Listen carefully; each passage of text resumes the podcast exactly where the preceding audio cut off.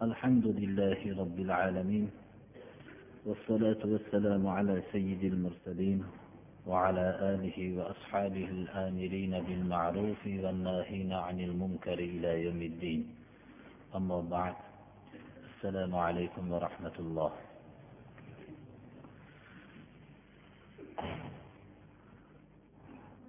أعوذ بالله من الشيطان الرجيم.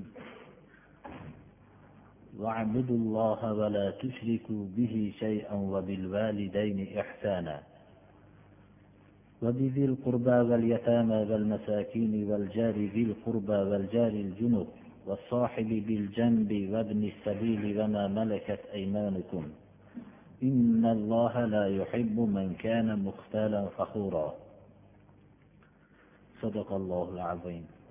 qur'oni karimdan davom etayotgan darsimiz suray nisodan alloh subhanahu va taolo hozirgi tilovat qilingan oyatda ollohni o'ziga ibodat qilishlikka buyuriydi. Va allohga ibodat qilishlikka buyurish o'zi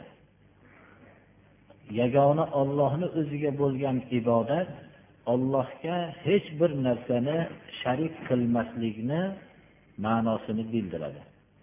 Lekin shirk shunday bir maxfiy insonning qalbiga kiruvchi bir amalki bundan ijobiy bo'lgan buyruqdan tashqari va allohga hech bir narsani sharik qilmaslikni alohida ta'kidlanishlikka muhtoj bo'ladigan buyruqdir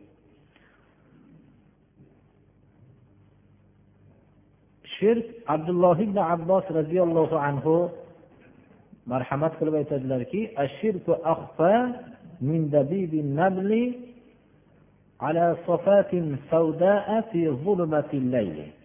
shirk bu kichkina chumolining harakatidan ham qora tosh ustida kechaning qorong'iligidagi harakatidan ham maxfiyroqdir.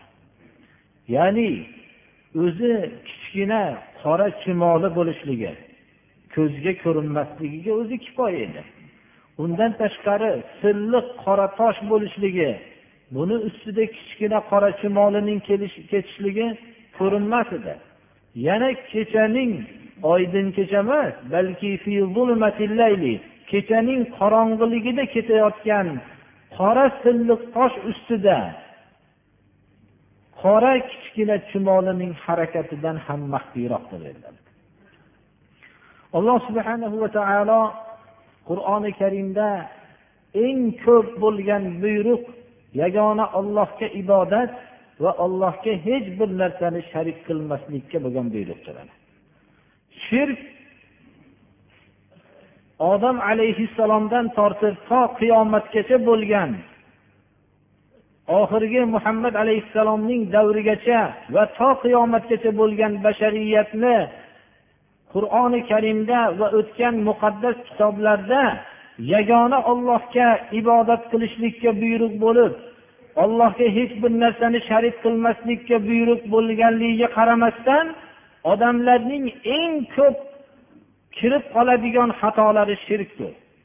Ammo bu shirkni shuni yaxshi bilmoqligimiz kerakki olloh kechirmaydi boshqa ibodatlardagi xatolarni kechiradi munkar ishlarni qilib qo'ysa olloh xohlasa kechiradi استعيذ بالله إن الله لا يغفر أن يشرك به ويغفر ما دون ذلك لمن يشاء ومن يشرك بالله فقد افترى إثما عظيما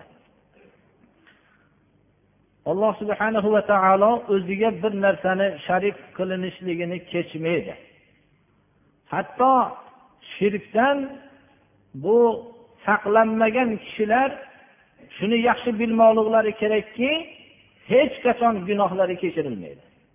Chunki ollohni barobarida o'ziga ham o'zgaga ham foyda ham zarar yetkazolmaydigan bir maxluqni barobar qilishlik bu nihoyat darajada behayolikdir. Alloh subhanahu va taoloni sha'niga bo'lgan bir haqoratdir.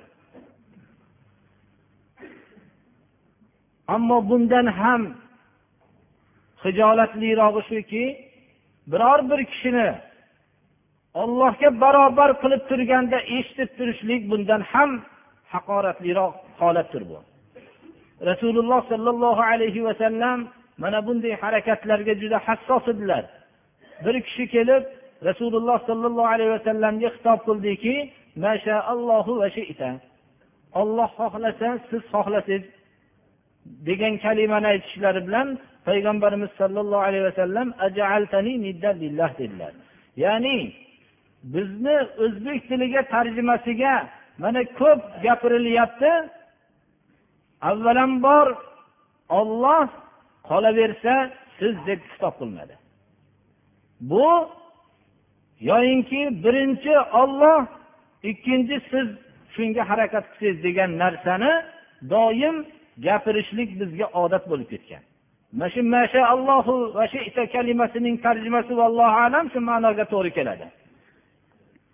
Payg'ambarimiz sollallohu alayhi vasallam shu vaqtda meni ollohga sharik qilyapsanmi dedilar.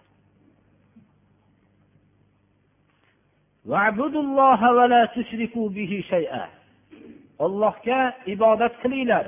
Ollohga hech bir narsani sharik qilmanglar. Shay kalimasi dunyoda u narsa nima bo'lishligidan qat'iy nazar.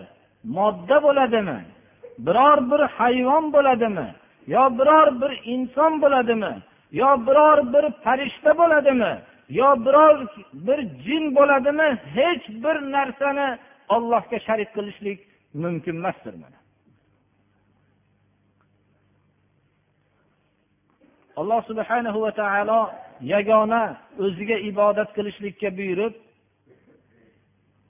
va o'ziga hech bir narsani sharik qilmagandan keyin ota onaga yaxshilik qilishlikka buyuriydi. Ota onaga bo'lgan yaxshilikni o'ziga bo'lgan ibodatga bo'lgan buyruqni qatorida keltiradi. Nima uchun? Ota ona insonning vujudiga sabab bo'lganligi uchun insonni ustida haqdor emas. Ota ona insonning hayotdagi yedirib kiydirganligi uchun shu darajada katta haqdor bo'la olmadi. To'g'ri bu narsalar yaxshi amallar ekanligida shak shubha yo'q. Lekin ota onaning haqqini ko'p bo'lishligiga sabab bo'lgan narsa bu emas. Chunki biz insonlarni farzandlarning vujudga kelishligi ularni yedirib kiydirishlikda biz o'z xohishimiz bilan qilmaymiz birodarlar. Alloh subhana va taolo qalbimizga o'rnatib qo'ygan mehr sababli qilamiz. Bo'lmasam qaysi bir ota o'zining farzandini yedirmasdan kiydirmasdan yashay oladi? Bunda boshqa hayvonlar ham insonlar bilan mushtarakdir. Balki hayvonlar insonlarning farzandlariga qaragandan ko'ra ko'proq qarashadilar.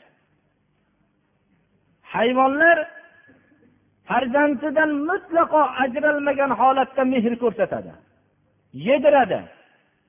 Agar kiydirishlik hayvonlarda ham sunnat bo'lganda yo'l bo'lganda bu yedirib ular ham kiydirgan bo'lardi.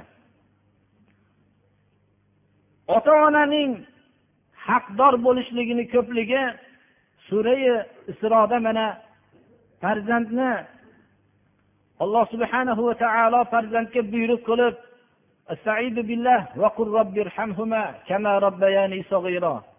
ayting ota onangizni haqqiga duo qilib aytingki xudoyo ikkovlarini rahm qilgin xuddi menga rahm qilganlaridek degan kalimani o'rniga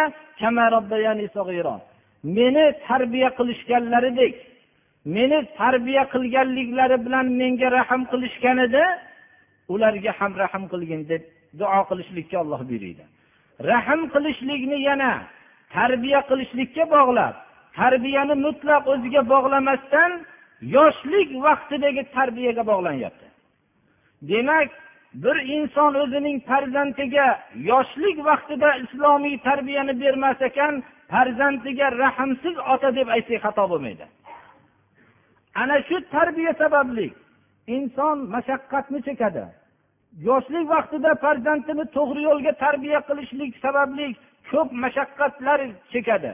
Shuning uchun ham ota onaning haqdor bo'lishligi balanddir qur'oni karimda luqmoni hakim o'zining farzandlariga nasihat qilayotganlarida birinchi nasihatlari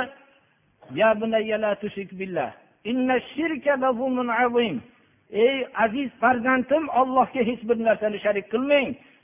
Shirk bu katta zulmdir. Agar shirk amaliga giriftor bo'lsangiz katta zolimlardan bo'lasiz. degan narsani ota ona birinchi farzandiga tarbiyani o'rgatmoqligi kerak. Shirknidan saqlanishlikni ota ona farzandiga yoshligida o'rgatganligi uchun alloh subhanahu va taolo o'ziga ibodat qilishlikka buyurganda ollohga hech bir narsani sharik qilmang deb buyurganga o'xshagan farzandni tarbiya qilishlikda olloh ollohni buyrug'ini farzandning yoshlik vaqtida uning ongiga singdirganligi uchun olloh o'ziga ibodat qilishlikni safida ota onaga yaxshilik qilishlikka buyuryapti. Mana bu qur'oni karimdagi nuqtani har bir ota ona anglab olmoqligi kerak. Qur'oni karimda ota onalarga yaxshilik qilib muruvvat qilishlikka farzandni buyurdi. Uni ota onani tarbiya qilishlikka buyurgani yo'q. Ota onaga islomni tushuntirishlikka buyurgani yo'q. Chunki bu ota onaga yaxshilik qilishlikka ma'mur bo'layotgan ota onalar ular farzandini tarbiya qilgan ota onalar edi. Muruvvat qilishlikka qarigan vaqtida ota ona muhtoj bo'ladi. Shuning uchun bu muhtoj bo'lgan ehtiyojotlarni qondirishlikka olloh buyurdi. Lekin ota onani farzandga muruvvat qiling demadi. Farzandni tarbiya qiling dedi. Ota ona farzandga muruvvat qilishlikka buyurilmasa ham muruvvat qilaveradi. Lekin ba'zi johiliyat islomdan voz kechgan tuzumlar bundan mustasnoki shunday tarixda shunday. Ota onalar vujudga kelyaptiki ular ham farzandlariga muruvvat qilishlikdan voz kechib ma'lum bir miqdor o'zlarining oldilaridan uzoq qilishyaptilar.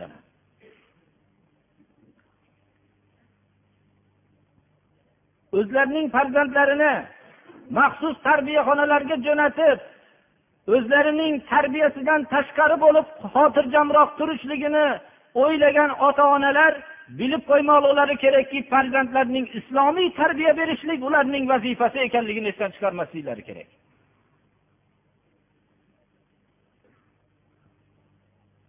Va shunday tarbiyadan voz kechgan ota onalar hatto o'zining eng aziz farzandidan uzoqroq bo'lib turishlikni xohlagan ota onalar farzandlari katta bo'lgandan keyin ulardan yaxshilikni kutib oluvlari noto'g'ridir.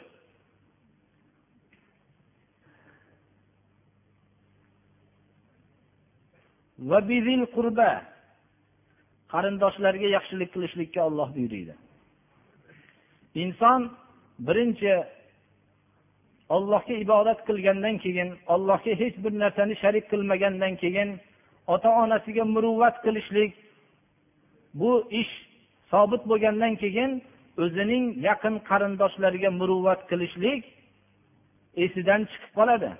Alloh subhanahu va taolo yaqin qarindoshlariga yaxshilik qilishlikka buyuryapti. Yetimlarga yaxshilik qilishlikka buyuryapti. Yetimlar o'zining qarindoshlari ichida bo'lsa bu nur ustiga nur bo'lmasam o'zining qarindoshlaridan bo'lmagan yetimlarga ham muruvvat qilishlik bu mo'min kishining vazifasi bo'lmoqligi kerak. Alloh subhanahu va taolo yetimlarni o'zidan uzoqlashtirgan kishilarni qiyomat kunini yolg'on deb deyayotgan kishilarning alomati deb tayin qildi. فذلك الذي يدع اليتيم ولا يحب على طعام المسكين ana yetimni o'zidan uzoqlashtirib bunga mutlaqo marhamat qilmasdan yashayotganlik bu yetimlarning haqlarini yeyishlik u yoqda tursin yetimlarni o'zidan uzoqlashtirib ularga zajr qilishlik qiyomatniga ishonch bo'lmagan kishilarning alomati deyapti. Agar shunday bo'lsa yetimlarning molini yeyotganlarning bularni kim deb atab bo'ladi?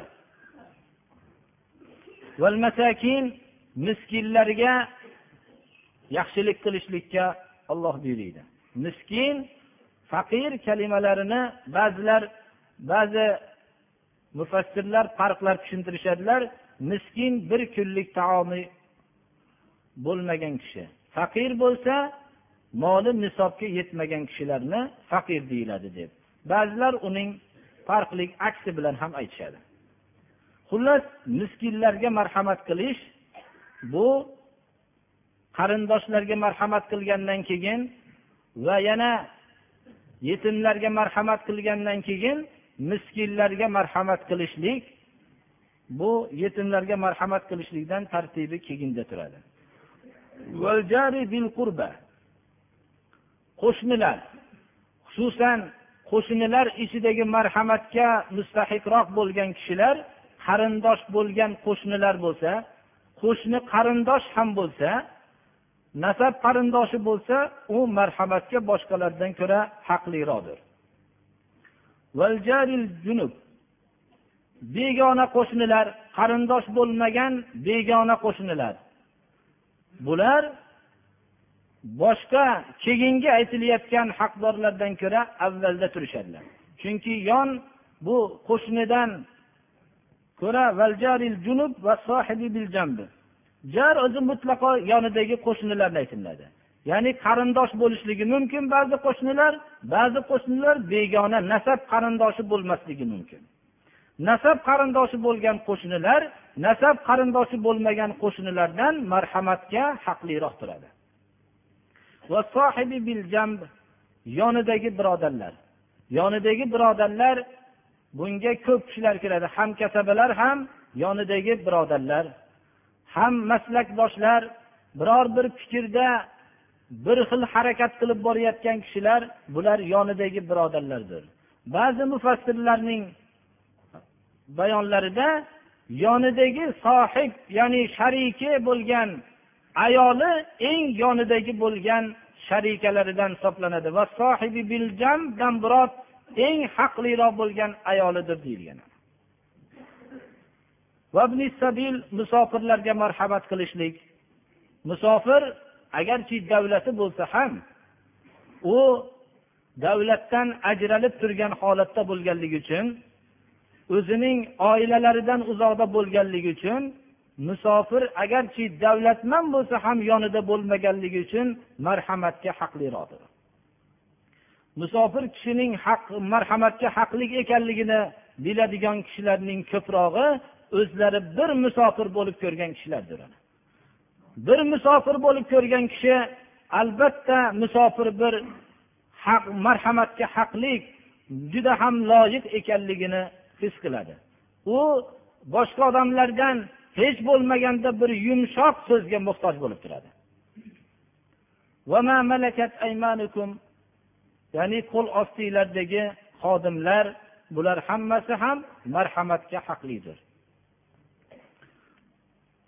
Qur'oni karim yagona ollohga ibodatga buyurgandan keyin marhamatga haqli bo'lgan kishilarni tartib bilan keltirishligi islomning bir butun yaxlit yo'l ekanligiga dalolat qiladiki islom ollohga bo'lgan buyruq bu bilan miskinlarga va haqdorlarga haqqini berishlik bu ibodatning umumiy ma'nosi ekanligiga dalolat qiladi.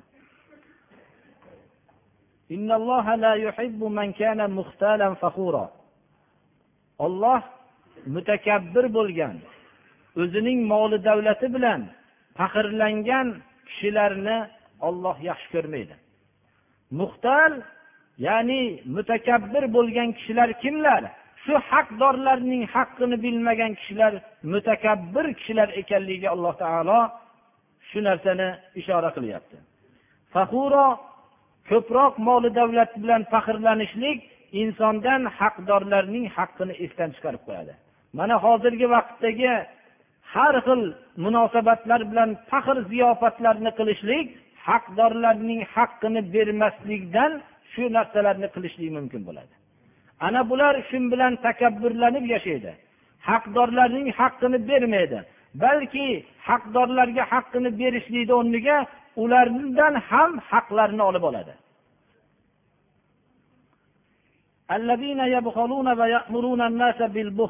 Mutakabbir deb inson o'zini aytmaydi. Hech bir hayotda eshitganmisiz odam biror kishini men mutakabbirman deganligini? Hech kim mutakabbir deb o'zini aytmaydi. Lekin mutakabbirlikning belgilari bo'ladi.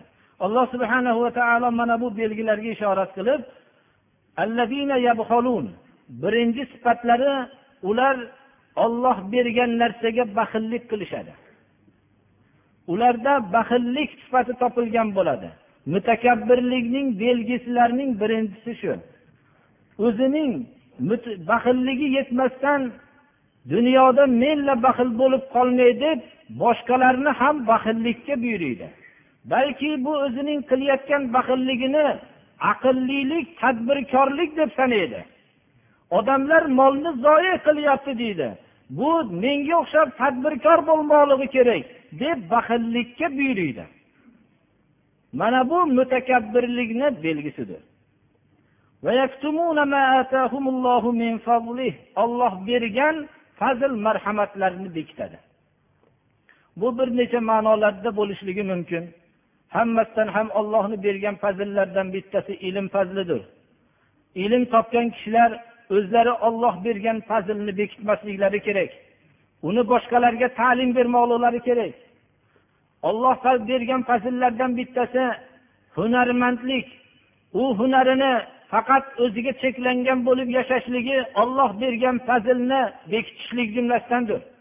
Shunday sifatlar bo'lishligidan yana bittasi moli davlati bo'lsa uni muhtoj bo'lgan o'rinlarga bermasdan bekitishlik bu ham olloh bergan fazilni bekitishlik jumlasidandir. Inson xullas olloh tarafidan bergan fazil marhamatlarni bekitmasdan o'rniga ishlatmoqligi kerak. Mana bu olloh bergan fazillarni bekitishlik xususan shariat ilmlarini va hunarmand kishilar o'zining hunarlarini boshqalarga o'rgatmaslik go'yoki boshqalar bir rizqini olib ketadigan bo'lgandek bo'lishlik bu olloh bergan fazilni bekitish va mutakabbirlikning sifatlaridandir bu.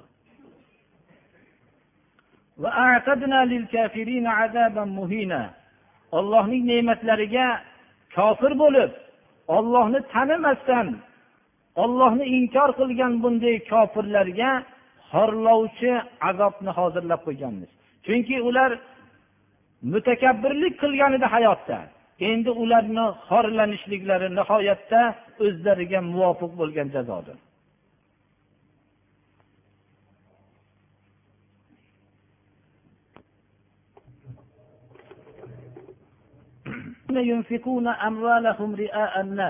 Mutakabbirlikning yana belgilaridan bittasi odamlarga mollarini berishlikdan baxillik qilishlik bo'lsa va o'zining baxilligi yetmasdan odamlarni o'ziga o'xshagan baxil bo'lishlikka buyursa inson insonni baxil bo'lgin demaydi tadbirkor bo'lgin deydi molni bu deydi ehtiyot qilgin deb o'zining shunday fasohatli sanagan farosatli deb sanab turib shu uslubda uni baxillikka buyuriydi hatto ollohni yo'lida haqiqiy saxovatli bo'lib yurgan odamni molni qadrlamaydigan nodon deb sanaydi. Va olloh bergan fazillarni bekitadi. Yana mutakabbirlarning ba'zi sifatlari bo'ladiki ular baxillik sifatiga muttasib bo'lishmaydi ko'rinishda. Mollarini sarf qilishadi. Amvol jamining jam suratda kelyapti ko'p mollarini sarf qiladigan mutakabbirlar ham bo'ladi. Lekin olloh yo'lida emas u. Odamlarga riyokorlik uchun sarf qilishadilar. Riyokorlik o'rni kelgan vaqtda ko'p mollarni sarf qiladigan sifatlar bu mutakabbirlikning belgilaridandir. Ular odamlarning ko'rishligi uchun sarf qilishliklari bilan go'yo ular ollohgayu qiyomat kuniga ishonishmaydilar. Berayotgan mollarini olloh uchun qiyomatdagi dahshatlardan salomat bo'lishlik uchun berishlik vaqtida bular eng baxil odamlar bo'lib chiqadi. Lekin odamlarga riyokorlik bo'ladigan o'rinlarda ular mollarini sarf qilishadilar. Go'yo bu ishlar bilan ollohgayu qiyomat kuniga ishonmaydigan kishilardir. Alloh subhana va taolo riyokor kishilarni odamlar ko'rsin deb turib mollarini sarf qilgan kishilarning ollohga qiyomat kuniga ishonmagan kishilar deb sanayapti.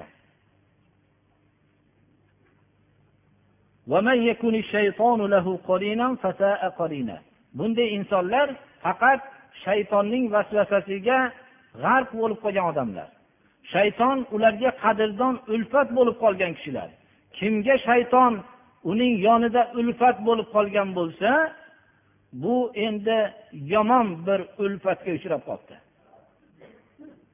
Mana shunday yuqoridagi oyatdan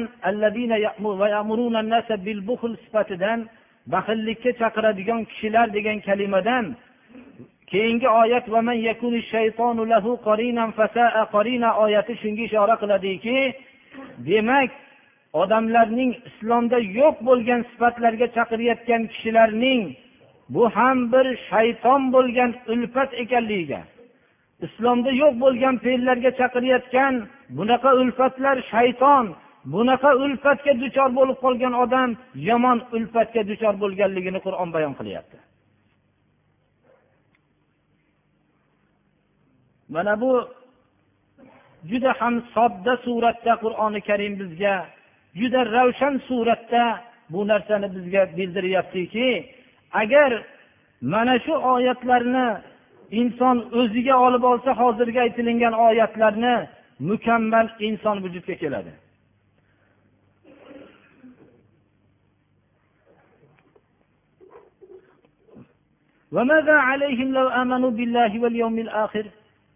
Iymon odamlarni shunday yaxshi yo'llarga chaqiradi.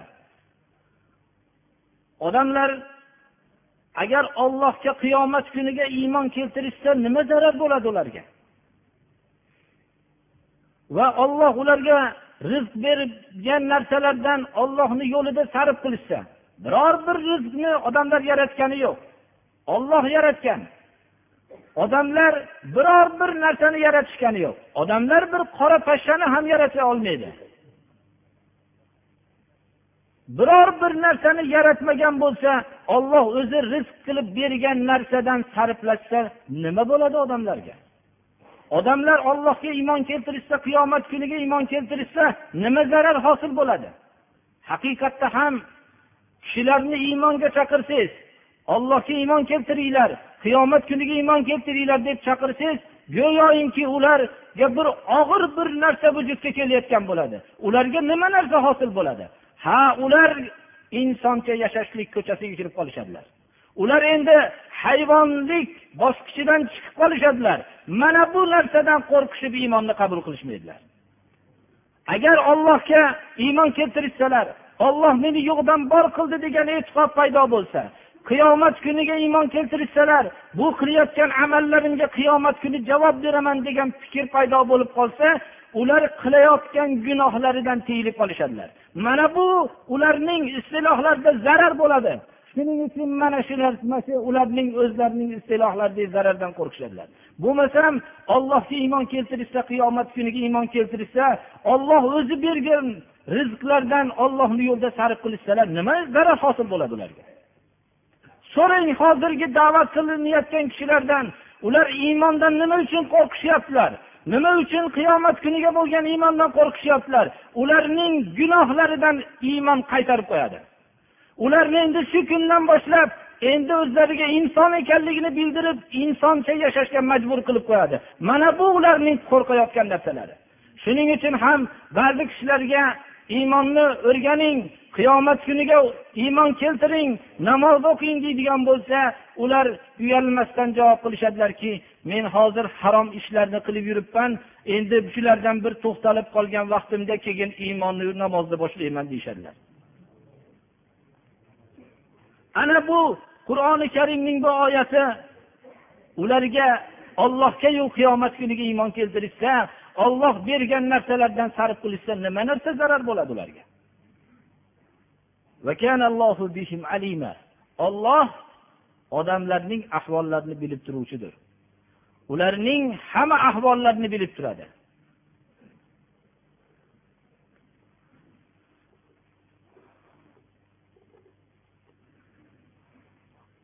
آمين. اللهم تقبل منا إنك أنت السميع العليم. اللهم أحسن عاقبتنا في الأمور كلها وأجرنا من خزي الدنيا وعذاب الآخرة. اللهم استرنا بسترك الجميل. اللهم احفظنا يا فياض من جميع البلايا والأمراض. اللهم ألف بين قلوب المؤمنين في المشارق والمغارب واجمع كلمتهم. اللهم عليك أعداءك أعداء هذا الدين. اللهم أعز الإسلام والمسلمين وأذل الشرك والمشركين واحم حوزة الدين وصلى الله تعالى على خير خلقه محمد وآله وأصحابه أجمعين hammalari nima maqsadda duo qilishlikni talab qilgan bo'lsa alloh shu shar'iy talab bo'lishlik sharti bilan alloh shu shartlar alloh taolo shu talablarni bersin alloh taolo hammamizni ham shu kasallariga shifo berib alloh taolo bularni dardlariga shifo bersin bu farzandi solih ato qilsin alloh taolo dini islomga xizmat qilishlikni hammamizga ham alloh muvaffaq qilsin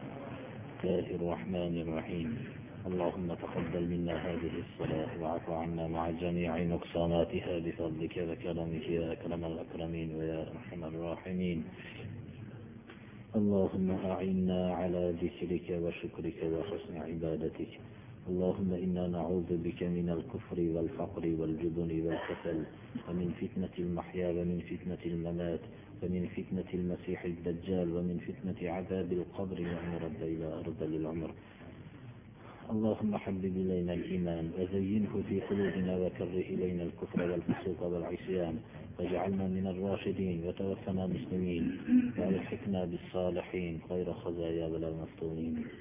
اللهم زدنا ولا تنقصنا وأعطنا ولا تحرمنا وأكرمنا ولا تهنا واعف عنا وأرضنا عنك وارض عنا. صلى الله تعالى على خير خلقه محمد وآله وأصحابه أجمعين الطاهرين الطيبين وارحمنا واحشرنا معهم برحمتك يا أرحم أعوذ بالله من الشيطان الرجيم.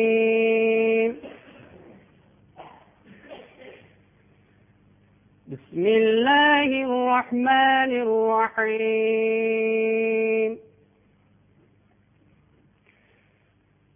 يا أيها الذين آمنوا لا تقدموا بين يدي الله ورسوله.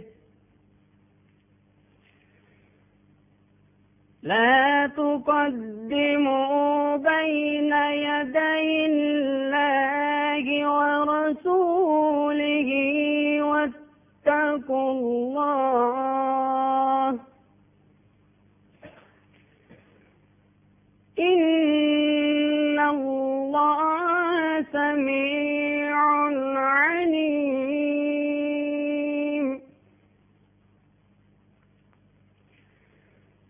يا أيها الذين آمنوا لا ترفعوا أصواتكم فوق صوت النبي ولا تجهروا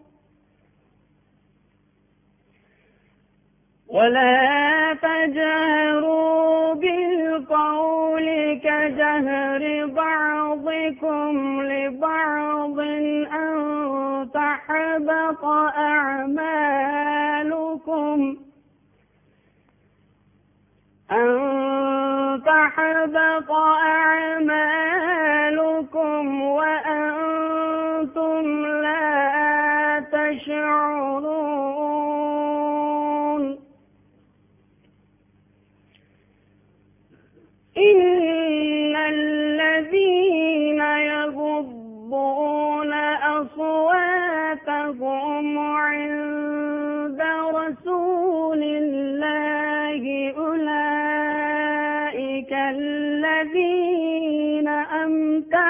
أمتحن الله. أولئك الذين امتحن الله قلوبهم للتقوى. لهم مغفرة